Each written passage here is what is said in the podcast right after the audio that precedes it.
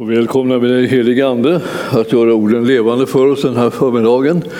Vi vet att du vill säga saker till var och en av oss och vi ber att vi ska kunna lyssna på lärjungasätt. Där du uppenbarar tingen, där du talar just om det där specifika som är, är vi har funderat över, kanske det där vi har sökt din vägledning och ditt ljus. Och vi ber här att du ska göra att eh, budskapet som idag kommer, kommer att vara också svar på frågor och vägledning i livet så att ditt namn kan bli ärat. I Jesu namn. Amen. Ja, eh, det här är, eh, är speciellt kan man säga att eh, talar till er och eh, eh, ser så många av er här, så trevligt också. Eh, och eh, ändå så säger folk hela tiden kom ihåg nu Gunnar, kom ihåg Gunnar, att det sitter många, många, många fler som sitter och tittar på nätet. Eh, jag, jag, jag kommer ihåg er. Så nu, nu är ni hjärtligt välkomna. Eh, det här, är, det här är fantastiskt hur det kan vara. Alltså att eh, fastän det är tider då man ska eh, så att säga, på ett sätt vänja sig vid att det är liksom färre som kommer inom synhåll. Så samtidigt så är det det att det kommer fler inom hörhåll. Det, det, det, det, det är häftigt för den som talar. Alltså man får liksom sätta igång sin fantasi. Nu är jag lite mm, van vid det här från min tid som präst i lutherska kyrkan. Eh, jag var inte van vid att det var fler som hörde, men jag var van vid att det var färre som syntes. Eh, och eh, det kan vara tveksam lustighet i och för sig, men alltså väldigt få, ibland helt osynliga var de allihop. Och så, men det går att predika då också. Men nu är det alltså en stor inspiration som syns. Och, eh, och det är en stor glädje för eh, mig också, ni som hör. För det egentligen när ordet går ut så är det ju inte synligheten som är den absolut viktigaste utan att man hör. Och alla hör vi. Så att, eh, nu ska vi gå till Kolosserbrevet och lyssna på det. Därför där står det om Jesus så oerhört intensivt och liksom påträngande. Och jag vill liksom att eh, när du hör om Jesus ska du absolut inte sätta dig på tvären. Utan du ska bara suga åt dig. För det finns ju ingenting som är mer hälsosamt och kraftfullt och frälsande och, och uppmuntrande än, än, att höra vilken, vilken Jesus som vi har, alltså hur han är. Alltså det, det är ju vår räddning från, från topp till tå. Alltså. Det kan hända ibland att vi liksom tycker liksom att jag alltid bara pratar bara om Jesus. Ja, men skulle bara fattas att vi skulle prata om någon annan då plötsligt. Han är den viktigaste personen i världshistorien. Det har aldrig varit någon som har varit så viktig någonsin i hela historien som han. Och han var här. Och sen kommer det märkliga, han är här. Så han var inte bara var här, utan vi, fastän vi har liksom eh, skildringar av hur han lämnade den här jorden och for upp till himlen och satte sig på Faderns högra sida, så vet vi samtidigt att han är här i varenda troendes hjärta. Och vi är i honom, där han sitter i den himmelska världen. Ja. Eh, det är inte en känslofråga, det är en trosfråga. Så det, du sitter inte där uppe och, liksom, och, så, och, och, känner att du sitter där, utan du, du, du är där uppe där han är och, och tror det. Det är många saker så där som, som vi behöver tänka på att det, det handlar om tro. Tro är inte någonting osäkert. Och ju mer vi liksom, eh, tänker på de här termerna, liksom, tro och, så, och, om, och om vad, vad, vad, vi får för information, så att säga. Och så man tänker sig, hjälp, eh, hur, hur, ska det kännas att sitta där uppe i den himmelska världen med Jesus på högra sidan om Fadern? Hur känns det? Alltså, det har vi har ingen aning om. Våra känslor är inte på det planet. Men vår tro kan vara där. Och då får vi en utsikt i tron som gör att vi är över alla de här sakerna som annars försöker dränka oss och eh, kväva oss och hindra oss och, och, och skapa problem i vårt liv. Vi är ovan det, ovan det är vi. Tron är liksom en övertygelse, en visshet. Och jag vill, jag vill läsa det för er för 51 gången därför att det är ett suveränt, suveränt ord. Och, så. och, och det, det där med att, att det, det är de här sanningarna som Herren håller på att ge oss, de, är, de övergår allt förstånd. Det gör ingenting. För jag menar, man skulle nästan skulle säga så här, var tacksam över att saker och ting övergår ditt förstånd, för då kan det bli någonting. Nu tänker jag, mitt förstånd är, ja, storartat och, och omfattande. Och, och så ja, det, det, det, kan du inbilla dig. Men du ska säga, det som du får från Herren är uppenbarelse och det är storartat och, och fantastiskt. Och uppenbarelse måste du omfatta med tron. Och då kan du få någon slags visshet och eh, övertygelse om sånt som du egentligen inte ser, inte förstår inte liksom kan omfatta med några känslor och inte kan liksom gå omkring och testa sådär. Så, så att du tänker så här, ja men om jag gör så här kanske man känner av det lite grann. Det gör man inte. Utan det är bara så att det ligger så att säga som en visshet i ditt inre. Elfte kapitlet i Hebreerbrevet eh, ska vi bara då starta och tala lite grann om det eftersom vi lever av tro. Och det är på grund av tro som vi kan liksom ta oss fram i den här tillvaron och det är på grund av tro som vi har, som vi har liksom en fortsättning på livet efter jordelivet och, och alltså har ett löfte om en himmel som vi kan vara säkra på är vår. Det är som, eh, det, det, Gud har inte haft tänkt att han ska det, sätta massa krokben för oss hela livet så att vi inte kommer in i himlen. Det är inte hans mål. Hans mål är att alla ska komma in. Han är inte mot dig och mig, utan han är för oss. Och därför så, när vi läser här så kan vi tänka så här, oj, oj. Hur skulle det sluta om man trodde på det här? Man skulle kunna bli liksom salig och uppmuntrad och stärkt i sin tro. Man skulle kunna ge sig an, säga ja till allt möjligt som Gud sa utan att hålla på och liksom bli nervös och, och, tänka på att man inte är så eh, stark själv och man inte förstår allting. Och, och så här. Det behöver du inte tänka på, du behöver tänka på Gud. Säger han någonting till dig så tänker du på honom och så tänker du, kan det här vara möjligt om man har honom? Och, och, och svaret är ja. Och här står det, Hebreerbrevet är 11 och 1. Tron är en övertygelse om det som man hoppas, en visshet om det som man inte ser. Alltså, om det ska vara tro ska du inte se det. För ser du det så är det inte tro. Så du ska inte tro att det här är problemet, att du inte ser det. Det är, liksom, det är som det ska. Du ska inte se det. Du ska vara övertygad om det som man hoppas, det vill säga det som, du, som ska infrias liksom lite längre fram kanske rent av. Och sen ska du ha en visshet och en säkerhet om det som du inte ser. Fast du inte ser det så är du säker ändå. Det vill säga, du ska inte leva som du lever till vardags. Det vill säga, du är säker på något som du har liksom sett, förstått eller liksom klarat av och kunnat tänka. Och så där. Det, som, det som är påtagligt, det är du säker på. Det som, liksom är, som du inte ser, det vet man ju inte vad det är, hur det går. Men för en troende så har man en visshet om sånt som man inte ser. Jag vill bara välkomna dig till det övernaturliga gänget. Vi som har övertygelse om sånt och visshet om sånt som vi inte ser. Tro är inte osäkerhet, utan visshet.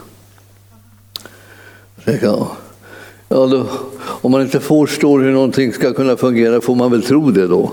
Nej, det, så kommer man inte åt visshet eh, genom att, att tro att det är osäkert. Och så får man chansa på det lite, bara lite löst i alla fall. Då. Utan det är det att tro är det, det säkraste som finns.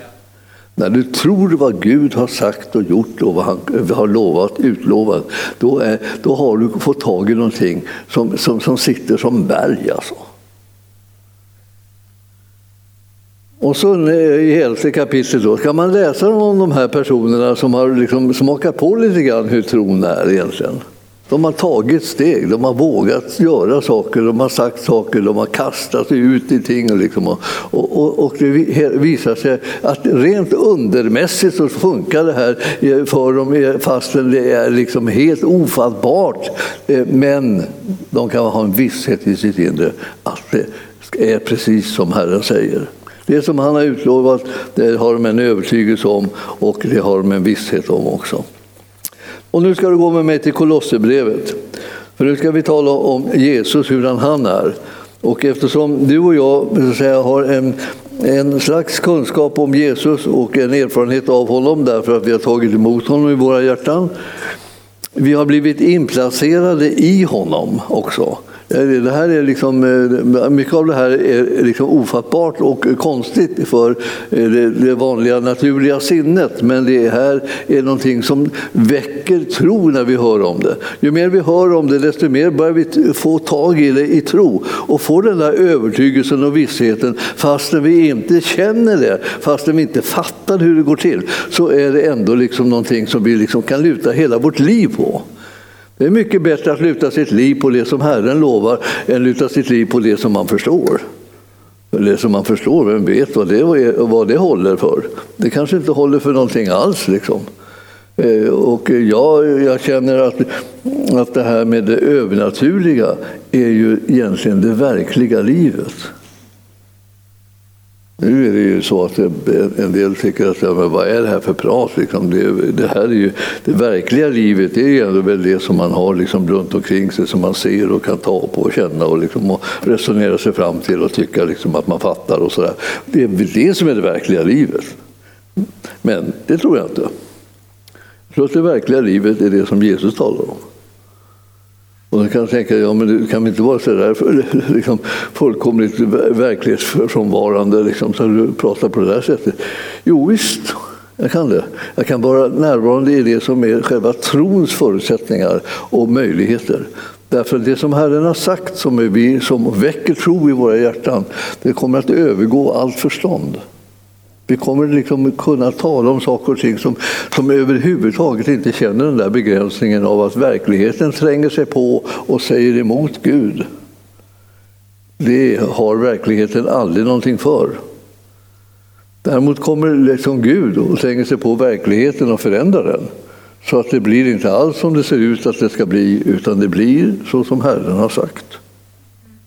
Jättemånga av oss har varit med om så under Herren har gjort fantastiska saker som har övergått allt förstånd. Många av oss så sitter ju här därför att ni är, är sådana där människor som har fått en sån erfarenhet och som har gått igenom saker när ni har sett spåren av hur Gud har verkat Alltså, trots alla omständigheter och, och, och situationer och vad säger, upplevelser så har han verkat och gjort sin vilja känd och den har brutit igenom och den har räddat dig och den har uppmuntrat dig och den har styrkt dig och den har lyft dig och, den har, och du har en tro på det här. Det här kommer han att göra igen. Och igen och igen och igen. Vilken mäktig Gud vi har. Alltså, det är det, Jesus. Alltså han som har all makt i himlen och på jorden. Andra kapitlet i Kolosserbrevet handlar om honom, Jesus. Eh, och för att jag styrka lite grann av det här som jag har sagt just nu då, så vill jag läsa för tredje versen om Jesus. I honom är vishetens och kunskapens alla skatter gömda. Så jag har inte tagit till i överhand nu när jag pratar lite om honom, utan jag, jag låg lågt. För så här är det alltså, alltså, i honom är vishetens och kunskapens alla skatter gömda. De finns i honom. Och då vill jag påminna dig också, var finns du som är en kristen någonstans? Du finns i honom. Så, du har liksom, du kan nå det här och du kan nå det här genom tron, så kan du nå det som är de här fantastiska visheten och kunskapens skatter som finns i Jesus. Det kan du nå. Det behövs tro för att nå det. Och tron kommer av predikan och predikan i kraft av Kristi ord. Så, så därför så kan det vara vid gott mod, kan man säga. Du, du är inom räckhåll. Eller eh, de här skatterna och fantastiska gåvorna, de är inom räckhåll för dig eftersom du är i Kristus Jesus. Sen för att du liksom ska förstå vad som händer dig så har han, har han tagit sin boning i dig också. Så det här, blir, det här blir bara bättre hela tiden. Du är i honom och han är i dig. Och det är han genom sin ande. Och därför kan han uppenbara saker och ting Eh, som han har på sitt hjärta för dig så att du ska förstå varför ett liv som du egentligen är kallad att leva i den här världen. Och det ska vara av övernaturligt slag. Alltså. Eh, så jag tänker egentligen inte ägna mig åt att försöka berätta eh, om den historiske Jesus. Alltså det vill säga han som levde för 2000 år sedan och som korsfästes och eh, eh, som vi tror uppstod på tredje dagen och rycktes upp till himlen. Och, där var det liksom slut på historien om Jesus. Men det var det ju inte. Utan sen fortsätter den i och genom hans kropp här på jorden. Den kroppen utgör du och jag som tror på honom. Vi är olika lemmar i den här kroppen. Och förmodligen så väntar han fortfarande på många utav er att ni ska ställa in er på plats och göra nytta i Guds rike. Så som han vill att det ska göras. Att vi ska samarbeta med de andra lemmarna i kroppen så att hans vilja blir gjord. Han, han, han, väntar liksom på vad, och, och, och, nu kanske ni sitter och tänker, vad väntar han på? Varför griper han inte in? Jag har bett honom en massa saker och han har inte gjort dem. Men han undrar, varför, vad väntar du på? Var, varför, varför gör du inte som jag säger? Varför tar du inte stegen? Varför, varför går du inte in på det område som jag kallat dig att, gå in på? Och då tänker jag, ja, man kan väl inte bara gå in och gå in och gå in så här. Man kan väl inte men du vet att gemenskapen med honom, att du odlar den, att du känns vid den, att du, att du bekänner dig till den. Den gemenskapen gör att det uppstår en frimodighet och en klarhet om vilka, vilka områden som du har rättigheter och möjligheter att gå in på och göra någonting i. Därför att det är det han har kallat dig till egentligen. Det är det som är uppdraget. Guds församling mår dåligt av att vi inte liksom befinner oss på rätt plats. Alltså, utan vi liksom, och krånglar på alla möjliga olika områden. Ibland därför att vi bara vill det själva, liksom, eller tycker det skulle vara kul. Eller, sådär. eller ibland därför vi inte vill någonting särskilt alls. Vi vill inte det. Vi, det där får andra sköta. Jag har inte en sån här eh, kallelse liksom, att ställa mig till förfogande helt och hållet. Utan jag låter de andra sköta det. Liksom så. De, de där som är lite ivriga och fanatiska. Eller om man har blivit lite torr, det får, då får de unga sköta. Liksom. De får och de får ge sin tid och sin kraft och sitt engagemang. Och så. Pytsan! Vi ska göra det tillsammans. Så att det, det, det här om någon har läst, läst lite grann om oxarna så liksom var det både gamla och unga oxar som drog tillsammans. Ja, det är, det är en bra idé. Eh, man, man behöver varandra. Och, och, eh, och eh, det, man ersätter inte varandra i Guds rike. Det är inte så att du har blivit över. Utan du får bara vara en åskådare. Och du tänker, ja vad skönt. Låter de andra kämpa liksom och slå huvudet i väggen här och där. Och så. Medan jag sitter liksom och säger, ja, ja, ja, jag sitter här och hoppas att det ska gå bra för dig. Det är det inte. Så vi, vi jobbar ihop i Guds rike. Så i honom, Jesus, finns alltså vishetens och kunskapens alla skatter gömda. Och jag skulle vilja säga till dig när du tänker på det här, de är gömda medeltid, ja, hittar man inte dem då? Jo, de är gömda där du är. I honom. Om du liksom skulle vilja förstå texten så kan du tänka så här, var är jag? Svar, i honom. Var är vishetens och kunskapens alla skatter gömda? Svar, i honom. På samma ställe. Medeltid, det här kan inte vara svårt att eh, hitta dem då, om man är på samma plats. Då så. Då så. Ja, hur får man tag i dem? Genom tron. Så här måste du liksom få näring till din tro så att du kan omfatta och få tag i det som ligger mitt framför näsan på dig. Egentligen. Det är liksom lite, lite jobbigt det där. Så här. Men det, det, där var i alla fall en påminnelse liksom om att det, den, här, den här, som jag sa eh, om, om Jesus och, och, och hans möjligheter och, och hans kraft och, och, allt det här, hans närvaro. Det, det är inga överord, det är faktiskt Bibelns sanning. Och så går du till det här avsnittet som börjar med vers 8, 2 och 8 i Kolosserbrevet. Och så tittar vi där på det. Vi ska ta och läsa det där stycket där.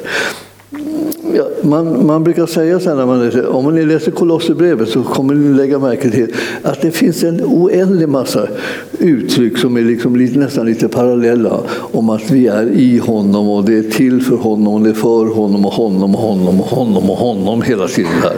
Och det är någonting som du ska lägga märke till oerhört noga för du kommer att göra skillnad i hela ditt liv. Alltså man börjar räkna med honom överallt så kommer det bli en helt annan åtkomlighet av kraft och uppenbarelse och ljus in i ditt liv som gör att du vet vad du ska göra och förstår vad du kan göra och att du inte glömmer bort att göra det tillsammans med honom så behöver du inte heller misslyckas med det. För tillsammans med honom kan du göra allt. Ingenting är omöjligt för den som tror. Och tron handlar om att vara tillsammans med honom. Ska vi läsa på åttonde versen där då? Se till att ingen rövar bort er med sina tomma och bedrägliga filosofi byggd på mänskliga traditioner, stadgar och, och inte på Kristus. Se till att ingen lurar er nu då.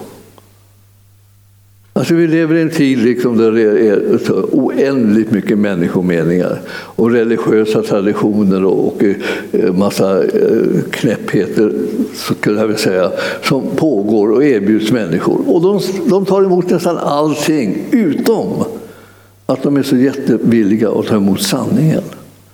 Det är något stötande med någon som säger detta är sanning. Och jag ska säga, förr i världen, eh, när jag växte upp, så eh, liksom var, var det fortfarande så att om sanning var någonting viktigt och eh, det ville man gärna ha del av. Nu är det som att sanning blir som en stötesten. De tänker att det är ett högmodigt uttryck. Och Jesus han säger om sig själv, jag är sanningen. Alltså komma med sådana anspråk. Det, det, man, man blir upprörd, allihopa blir upprörda liksom och, liksom och, och, eh, blir överens om att liksom, så, så han är, så, så liksom stöddig självsäker han är. Vad har han för anledning att tro att det som han håller på med är så mycket bättre än allting annat? Ja, det finns många anledningar till det. Bland annat att det är Jesus. Han är Messias, den levande Gudens son. Det är vår grundbekännelse liksom kring det här. Vem är Jesus? Han är Messias, den levande Gudens son. Därför är han en sån som kan säga jag är vägen, sanningen och livet och inte överdriva när han säger det. Se till att ingen rövar bort det med sina tomma och bedrägliga filosofier. Alltså. Och filosofier är det gott om. Och eh, politiken liksom kryllar ju av, av, olika filosofiska åsikter. Och man kan säga också det, eh, det är saker och ting som är, är människomeningar. Eh, värderingar sådär, som man har plockat ihop lite från här och där utan att eh, liksom, visa respekt för själva källan. Så det dyker upp kristna värderingar liksom, naturligtvis i politik också.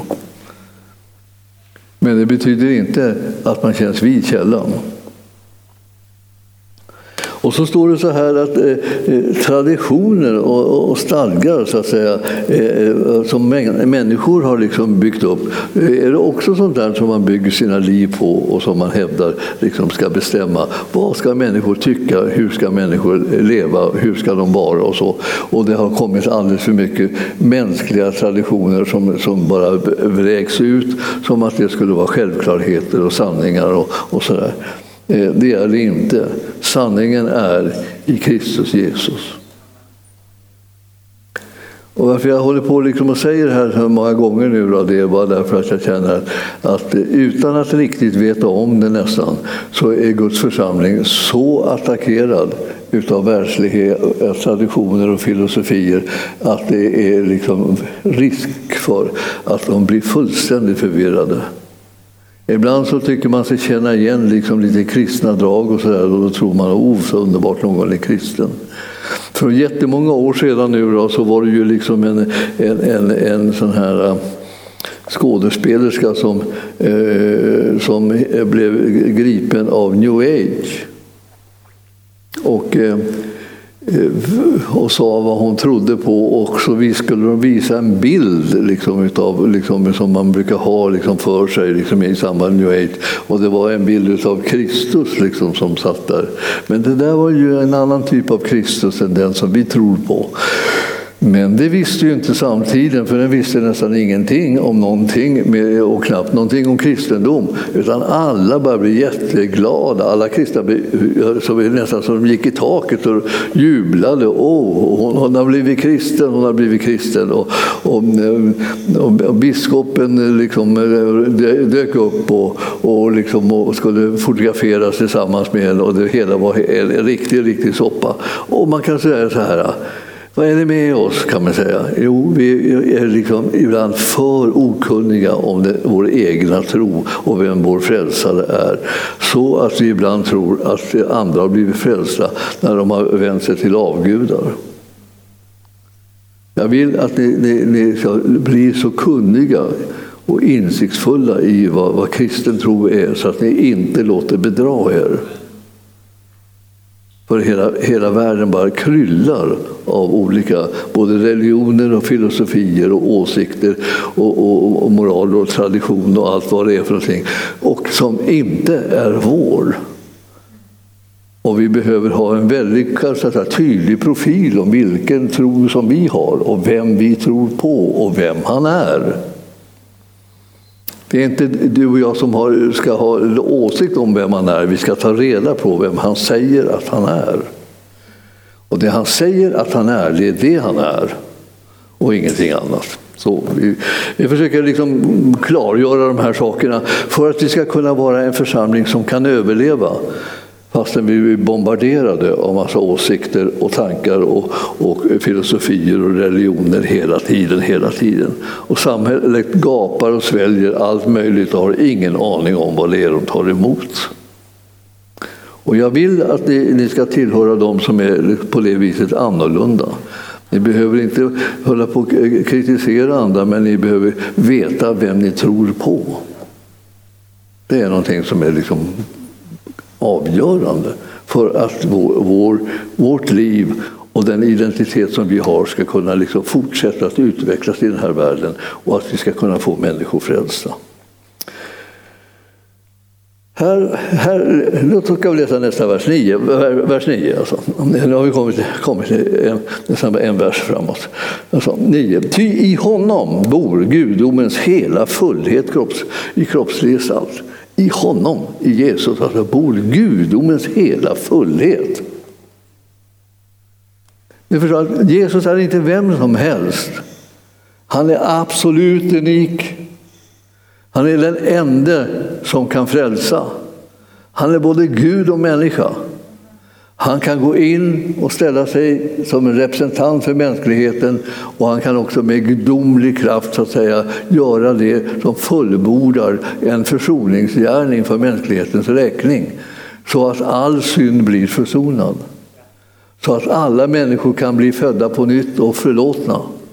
Så att människor kan bli upprättade och räddade och befriade ifrån de dystra och oerhört negativa krafter som råder i den här världen och som härjar bland människorna. I honom bor gudomens hela fullhet i kroppslig gestalt. Och i honom, nu kommer det till dig, är ni uppfyllda. Han som är huvudet över alla makter och väldigheter.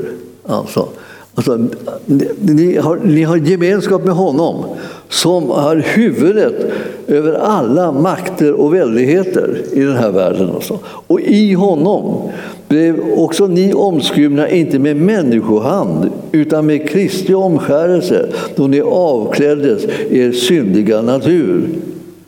Ni förstår att det här är så, I honom så, så, är det som att vi har fått makt och kraft att lägga av den identitet som vi hade förut, alltså den syndiga naturen. Det som vi kallar för arvsynden eller syndakroppen. Eller, eller, ja, det finns olika såna här eh, ord om den. Men vi fick kraft att tillsammans med honom så att säga, lägga av den för att sedan ikläda oss den nya skapelsen. Den som är alltså upprättad, frälst, försonad med Gud. Och det här är så underbart. Alltså det, här, det här är vad vi symboliserar när vi, när vi döper människor. Det vill säga det är ett slags dränkande av den gamla människan. Och den som kommer upp ur vattnet är den som, eh, inte den som vi har dränkt, utan den som har uppstått. Alltså genom Jesus uppstått ifrån de döda och, eh, och är kvar liksom i vattnet liksom och, och, och dött, utdött ligger den gamla människan. Medan den nya står där inför våra ögon, liksom, fräsch och fin, utan synd. Rättfärdiggjord och godkänd av Gud och människor. Det är vad det betyder. Då. Det sker inte just då, det sker när vi tar emot honom i tro. Men dopet är liksom ett, ett, ett vad, vad ska man göra åt det här med den gamla människan? Man dränker den. Alltså. Och det är en andlig faktor, den gamla människan. Så det är inte frågan om att dränka varandra utan, utan det, det är frågan om att, att, att alltså, göra en sån här troshandling som demonstrerar att vi lämnar någonting åt döden. Och när vi kommer upp igen så betyder det att vi kommer åter in i livet, det liv som Herren har gett oss i Kristus Jesus. Och tolfte versen. Nej, var det, var det, var det kanske versen innan? Ja, vi var om, det kallas för en omskärelse. Med människohand var det prat om innan där. Vi, vi, ni avkläddes er syndiga natur, alltså den gamla människan, det vill säga syndanaturen. Och så begravdes vi eh, med honom genom dopet. Och i dopet så blev vi också uppväckta med honom genom tron på Guds kraft. Så att Guds kraft krävdes för att det skulle kunna uppstå en människa efter det att den, eh, den här liksom, gamla människan hade blivit dränkt. Och, eh, och han, då blev han, han uppväckt ifrån de döda. Och det är det som har hänt oss. Det är därför som att vi kännetecknas inte av att vi ska dö. För i vår tid så är det ju så att folk börjar tänka på att man kommer att dö. Det vill säga livet kan ta slut. Va? Och, och, och, man, och, och epidemin gör också det att, att, man vet inte när. Man tror bara liksom, förr så kunde man ju ändå hålla sig pigg så att säga, något sådär, och få den eh, liksom, skötsel som man behövde för att dra ut på livet. Så det räckte ganska långt. Alltså. Man har fått en längre livslängd. Men alltså det, det, där, den där eh, tryggheten liksom, eh, eh, finns ju inte riktigt längre. Man vet ju inte riktigt vad det är som händer och när det händer och sådär. Men, men eh, eh den som har fått tag och, och fått kontakt med Jesus har evigt liv. Alltså, evigt liv. Det är redan liksom klart, det är avgjort redan nu.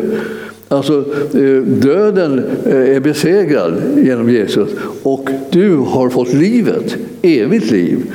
Så det börjar redan här nu att du har eh, en, en, annan utsiktspunkt i tillvaron än det här att eh, du ska besegras av döden. Utan du, det står om dig och mig, vi ska aldrig dö. En del tycker inte om den bibelversen, hoppar över den. Vill inte se den. Men aldrig, vi ska aldrig dö. Vad, vad, vad, vad menar man? Vi har evigt liv, menar man. Det vill säga, döden är liksom inte liksom slut, den slut, sista liksom, eh, anhalten i livet. Så, här, jaha, så lever vi fram till döden och sen var slut. En del som har hela sitt liv ouppgjort och inte har tagit itu med någon synd och inte liksom tagit itu, letat eller sökt försoningen eller Guds rike. De, de vill gärna liksom att allting bara blir slut. Och så blir det inga konsekvenser av livet alls. Men sanningen är ju det. Det blir konsekvenser av livet och därför så behöver man ta, ta vara på den räddning som Gud har berett. Den är en gratis erbjudande till varenda människa. Så, vare sig du sitter här eller sitter där framför för, för tvn eller datorn, så, så kan du, kan du liksom ta emot den här räddningen som finns i Jesus Kristus. Jag säger bara till honom, Jesus kom in i mitt hjärta och fräls mig. Han bara väntar på de orden hela tiden, hela ditt liv hittills. Alltså. Och så äntligen säger du de orden som kommer att rädda dig. Och då blir du frälst och du får evigt liv. Du förstår. Vilken fantastisk skillnad bara med sån, en litet, litet bestämt val från din sida att ta emot erbjudandet om livet, om förlåtelse och om försoning. Då har du evigt liv och kommer inte under någon dom.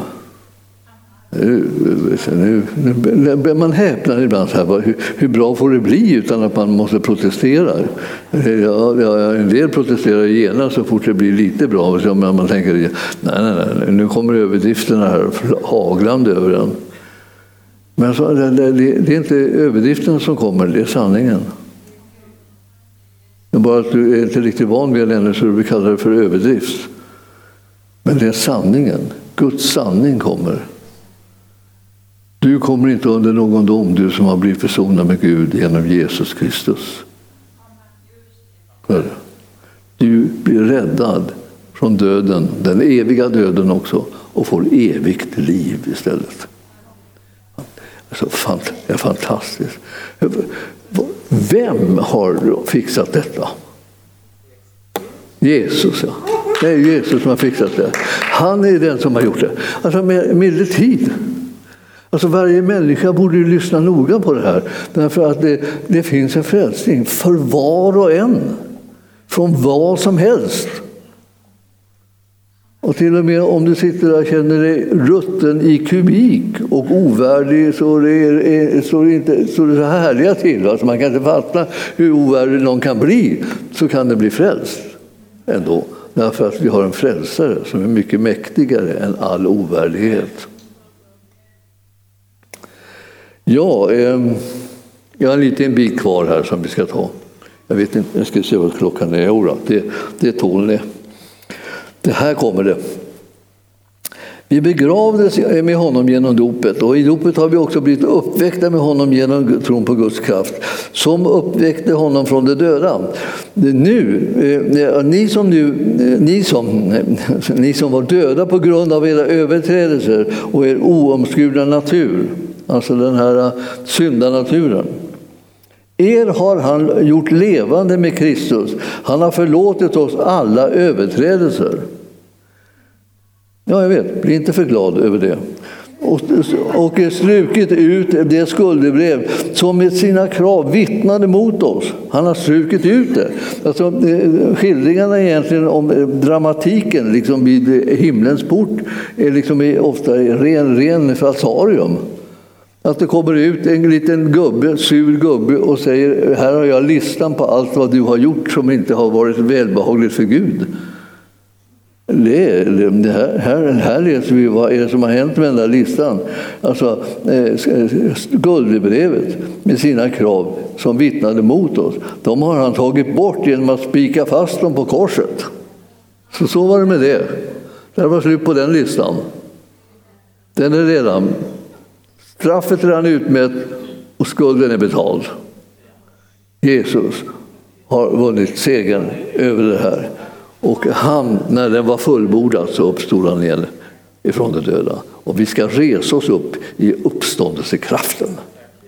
Det ska inte vara någon liksom hukande liten feg spillra av, den kristna, av kristenheten utan vi ska vara det mest utmanande, det mest liksom skakande vittnesbörd om att människor idag har kunnat hitta sanningen och tagit emot den och tagit emot den kärlek som Gud har till människor när han vill rädda var och en ifrån att gå evigt förlorade och istället ge dem evigt liv. Alltså.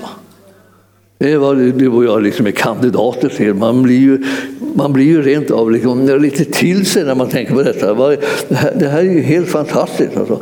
Och den sista eh, versen här då, som jag tänkte säga någonting om idag. Alltså, han har klätt av väldena och makterna och för, förvisat dem offentligt Eh, så att, eh, nej det stod förevisat dem, ja ungefär, lite av samma sak. Men förevisat dem betyder alltså visat dem helt enkelt. Eh, när han på korset triumferade över dem. Alltså det som de, de trodde skulle bli deras triumf över honom blev hans triumf över dem. Att han drog, drev honom liksom till korset. Va? På allt sätt skulle de liksom göra förnedra honom och, och, och allt sätt skämma ut honom inför hela världen och, och hela andevärlden. Och i själva verket så var det, slutade med att hela andevärlden, den mörka andevärlden så att säga, blev de som blev eh, eh förevisade som, eh, som misslyckade och eh, som förlorade hela eh, maktkampen här mellan Jesus och eh, den mörka världen. Alltså, han som var ljuset, han besegrade mörkret. Och vi, alltså, och, och vi, vi är ljusets barn. På ett ställe så säger, när jag säger det så, så står det så här. Vandra då som ljusets barn. Liksom hoppa inte över det, utan vandra som ljusets barn. Gör anspråk på att komma fram, att kunna göra det som Herren har kallat sig till utan att liksom backa, därför att ni är ljusets barn och det finns inget mörker i denna världen som kan hindra er från att göra det som ni kan i kraft av ljuset. Ser ni? Vi är ett folk som, är så, som har full auktoritet att genomföra och fullborda det som är Herrens vilja för den här världen och för den här mänskligheten. Vi är sända till människorna för att proklamera att Herren har vunnit en fullkomlig seger för deras räkning så att de kan ta emot den och bli befriade ifrån allt det som hör mörkret till och bli delaktiga av det eviga livet i det eviga ljuset så att säga milde tid. vilken alltså förstår, förstår ni? Vi, vi är att gratulera. Du kan, du kan titta på din granne och, och, och nicka lite uppmuntrande, försiktigt. De är delaktiga av det här, de, är, de, har, de har anspråk på det här. Det, de är, det här är liksom det livet som Gud har skapat, som han vill att du och jag ska eh, liksom leva ut och dela med oss av till andra människor. Ja, så Eh, man kan känna liksom att man har ett budskap som är, liksom är, är, så, är så bra så det, istället för att folk jublar så blir de ju nästan förstummade. Alltså, men, och det, jag förstår ju det också. Vi, vi, vi, kan säga att vi får liksom jubla och bli förstummade om, om vartannat. Så, men, men, men, glöm inte att jubla också, för förstummande kan vi ha, kan vi ha i oss sedan det förflutna också. Så att vi sitter där och försöker tiga och inte låtsas om någonting. Men, alltså, men jubla, det är det, eh, jubla över en sån underbar Herre som vi har. Så vad, vad, du gör, så att säga, känns vid honom, tala om honom så folk bara liksom känner att det viner runt omkring dem. Alltså det, det, gör ingenting om de liksom tänker, måste du prata om det där hela tiden? Ja, det måste jag. Hela tiden, därför att det här är enda räddningen för dig. Alltså. Det, eh, om, jag, om jag inte brydde mig om det så skulle jag inte säga ett pip, men nu gör jag det. Och så då måste jag tala om vem Jesus är. Så ligger det till. Mm. Påminn dem om det. Du har folk runt omkring dig som du behöver säga någonting till, skulle jag tro. Alla har ju liksom alltid några kvar som man har sparat till sist om vi säger så.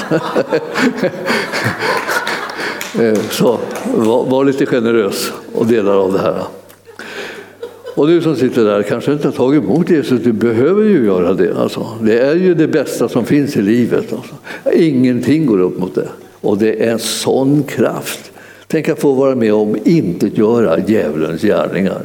Alltså sätta stopp för mörkret och all förvirring och all trassel som finns i den här världen och tala ut sanningen och verkligheten för människor och ge dem en, liksom en framtidshopp och tro.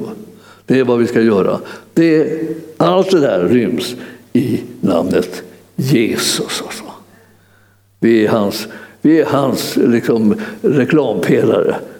Sätt igång, gör massor med reklam för Jesus. Han, han behöver bli världsberömd. Eh, ja, det har han ju varit, men det, verkar det har blivit lite avslaget. Det har blivit mycket tystnad bland Guds folk. Eh, var inte tyst och var inte feg. Lär lite grann av de här fantastiskt eh, modiga människorna som protesterar mot eh, diktatorer här, liksom, i den här världen. Milde tid, vad de vågar. Ja? Och då har de ändå liksom bara frågan om liksom någon inomvärldsligt som de vill åstadkomma, få lite rättvisa. Så. Vi har Jesus. Vi, vi, ska, vi ska våga tala om honom även om folk tycker att vi är liksom förlegade eller från, från, från, liksom från, från forntiden på något vis. Någon rest. Vi och mammutarna eller något. Man vet inte vad folk tänker, men att, eh, tala om Jesus vad ni gör. Annars, vem ska annars säga någonting om honom? Det är vår uppgift. Mycket bra. Ska vi få lite lovsång? Prisa Gud och så ska vi bedja för er som, som behöver helande också. Jag har lite, ja, vi har lite förebedjare någonstans. Är det någon som är förebedjare? Ja, där har vi en. Där har vi en. Där, fint. Där också, fint. Då kommer ni fram. Vi kör utan handpåläggning. Vi ställer oss bara liksom och håller fram handen och ber att, liksom, att människan ska bli helad. Ta reda på vad de behöver och sedan be för dem. Och så kan ni komma fram samtidigt som vi har lite lovsång som avslutning.